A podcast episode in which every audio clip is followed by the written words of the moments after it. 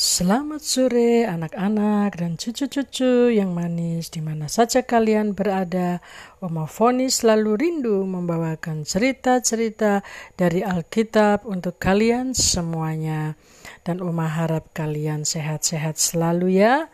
Ya, seperti biasanya ya. Sebelum kita mendengarkan firman Tuhan atau cerita yang Oma akan bawakan, kita sama-sama berdoa ya anak-anak dan cucu-cucu. Ya, Tuhan Yesus yang sangat baik, kami berterima kasih untuk waktu yang Tuhan selalu berikan bagi anak-anak dan cucu-cucu di mana saja mereka berada. Dan terima kasih juga Tuhan sudah memelihara kami semua dengan penuh kasih sayang. Kami selalu rindu untuk mendengarkan cerita-cerita yang terambil dari Alkitab.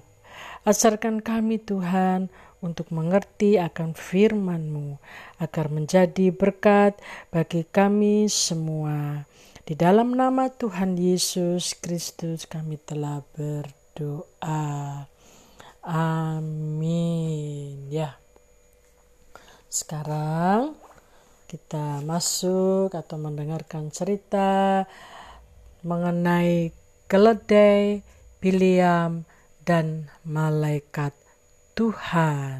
Ya, pada zaman kerajaan kerajaan kuda dan keledai itu sangat berguna sekali ya uh, sebagai alat untuk berkendaraan mereka ya. Uh, juga untuk membawa barang-barang uh, kebutuhan mereka ya. Ya uh, sebab uh, apa? Anak-anak dan cucu-cucu sebab kuda ya adalah binatang yang paling kuat dan gagah digunakan untuk memberi kabar dari satu negeri ke negeri yang lain dan larinya sangat kencang ya. Pasti kalian sudah tahu kuda kuda ya anak-anak dan cucu ya. Nah, dan lucu ya, gagah ya kalau melihat kuda itu wah ada yang warna hitam, ada yang warna putih, ada yang warna coklat ya uh, kakinya panjang dan kuat ya. Telinganya selalu berdiri tegak ya. Ya. Uh, dan kuda ini kuat ditunggangi ya. Um, oleh si pemilik kuda ini sendiri ya. Dan kuda ini sangat uh, mengenal akan tuannya ya serta taat. Uh, apa yang tuannya katakan ya dia mengerti dan penurut ya. Dan uh, kuda ini makannya apa anak-anak dan cucu kalau tahu? Kuda ini makannya rumput ya. Apalagi kalau tuannya memberi rumput yang segar-segar lalu minum yang segar ya. Airnya jernih bersih. Oh dia malah senang ya. Ya uh, itulah cara orang-orang zaman kerajaan ya cara memelihara kuda mereka ya. Sebab kuda ini mampu melewati perjalanan yang jauh ya. Juga bisa mendaki gunung ya. Uh, dan juga bisa uh, melewati batu-batu yang terjal dia bisa memilih ya uh, apa jalan-jalan yang ya tidak enak pun dia uh, bisa memilih kalau ada batu-batu yang besar dia tidak lewati ya. Nah, karena dia menyayangi tuannya yang di punggungnya itu ya dan dia juga bisa melewati arus sungai ya. Uh, sekalipun ada airnya dia bisa melewatinya ya dan masih banyak lagi kegunaannya lebih-lebih juga dipakai untuk alat perang. Ya, sekarang kita akan melihat kisah Bileam. Bileam ini mempunyai seekor keledai betina ya. Jadi Bileam tidak punya kuda, tapi Bileam mempunyai seekor keledai betina ya. Dan ia sering mengantar tuannya ke mana saja yang diinginkan oleh tuannya. Lah, waktu pagi bangunlah William pagi-pagi ya.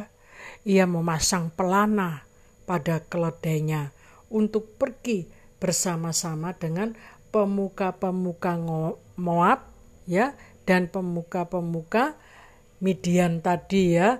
Ah, yang Oma sambung pada cerita yang lalu itu ya anak-anak dan cucu. Waktu itu Tuhan tahu yang akan dikerjakan Biliam. Tuhan marah dan menyuruh malaikat untuk menghadang perjalanan Biliam. Lagi asik-asiknya ia melaju ya dengan keledainya ya. Tiba-tiba keledainya ini meringkik dan larinya agak berhenti Sebab apa anak-anak dan cucu-cucu? Ia melihat seorang malaikat Tuhan berdiri di jalan dengan pedang terhunus di tangannya. Menyimpanglah keledai itu, masuk ke ladang. Ah, Beliam terkejut loh. Keledai ini kok tiba-tiba masuk ke ladangnya orang. Mengapa ini dengan keledaiku ini? Biasanya dia baik-baik penurut ya, tidak aneh-aneh tingkahnya ya, larinya kalau aku tidak mengarahkan dia belok ke kiri atau ke kanan, dia tidak akan belok kiri kanan. Loh, ini kok malah masuk ke kebun uh, orang ini apa ini ya? Wah, Biliam berusaha memalingkan lagi keledainya ini ke jalanan, tapi malah keledai ini masuk ke kebun anggur dengan jalan yang sempit ya. Nah, sebab ada tembok di kiri kanannya. Jadi keledai ini jalannya lurus, nggak bisa belok ya, sebab dihadang uh, ini ada pinggir kiri kanan ini tembok ya. Nah, waktu itu juga dihadang lagi oleh malaikat Tuhan.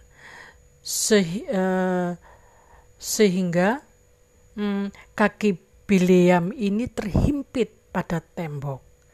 Biliam kesal ya dan marah. Lalu ia memukul keledai ini dengan tongkatnya. Ya, apa yang terjadi anak-anak dan cucu-cucu? Tuhan membuka mulut keledai untuk berbicara. Ini terdapat pada kitab bilangan pasal 22 ayat 28. Lalu keledai itu berbicara, Apakah yang Tuhan lakukan kepadaku? Mengapa engkau memukul aku sampai tiga kali? Belian pun juga terkejut. Hah? Oh, kok tiba-tiba keledaiku bisa bicara? Lalu beliau berkata, Ya, aku memukul engkau sebab engkau mempermainkan aku. Bila aku tadi uh, kalau sudah membawa pedang, uh, maka ku hunus pedangku ini untuk membunuhmu. Wow, Biliam ya, wah, uh, dia tidak mengerti ya bahwa uh, keledainya itu setia, penurut sudah membawa dia ke mana-mana dia hanya duduk naik di atas punggungnya kok malah dia mau menghunus uh, membunuh keledainya itu ya. Wah jahat ya anak-anak dan cucu-cucu ya hmm berarti ini William tidak mengerti ya uh, ya oh lalu jawab keledai lagi keledainya masih bisa menjawab anak-anak dan cucu Lalu jawab keledai, bukankah aku ini keledaimu yang setiap saat kau tunggangi? Pernahkah aku berbuat demikian? Lalu jawab Biliam, tidak. Nah, ya, ah, ya dia sudah tahu loh. Ya kok masih berkata yang demikian ya, anak-anak ya dan cucu. Ya, itu karena Biliam eh, terpana ya, terbawa oleh panggilan Raja Balak tadi ya. Ya, seketika itu Tuhan menyingkapkan mata Biliam. Nah, Biliam pikirannya bermacam-macam aneh-aneh ya. Lalu uh, Tuhan menyingkapkan mata Biliam. Maka dilihatnya seorang malaikat Tuhan dengan pedang terhunus di tengah jalan. Setelah Biliam melihat malaikat itu, lalu ia melompat dari keledai dan ia berlutut serta sujud. Ya. Berkatalah malaikat Tuhan, mengapa engkau memukul keledaimu sampai tiga kali? Lihatlah sekarang aku lawanmu. Ya. Jadi maksudnya malaikat di sini nggak usah pukul keledai, keledai tidak salah, tidak ngerti apa-apa kok dipukul. Nah sekarang ini aku lawanmu ya. Malaikat itu berkata kepada Biliam, sebab jalan ini menuju kepada kebinasaan. Nah, kalau bila melawan malaikat pasti apa? Ya binasa ya. Nah, tapi Biliam uh, cepat tanggap ya. Lalu Biliam berkata, Aku ini telah berdosa, sebab aku tidak tahu kalau engkau berdiri di jalan ini. Bila hal ini jahat yang kau pandang, maka aku segera balik dan pulang. Tetapi malaikat itu berkata, "Pergilah bersama-sama orang-orang ini, tetapi ingat, hanya perkataanku yang akan engkau sampaikan." Sesudah itu pergilah Biliam bersama-sama dengan pemuka Balak ya. Nah, tadi siapa pemuka Balak anak-anak dan cucu-cucu? Yaitu uh, para tua-tua dari Moab dan para tua-tua dari Midian.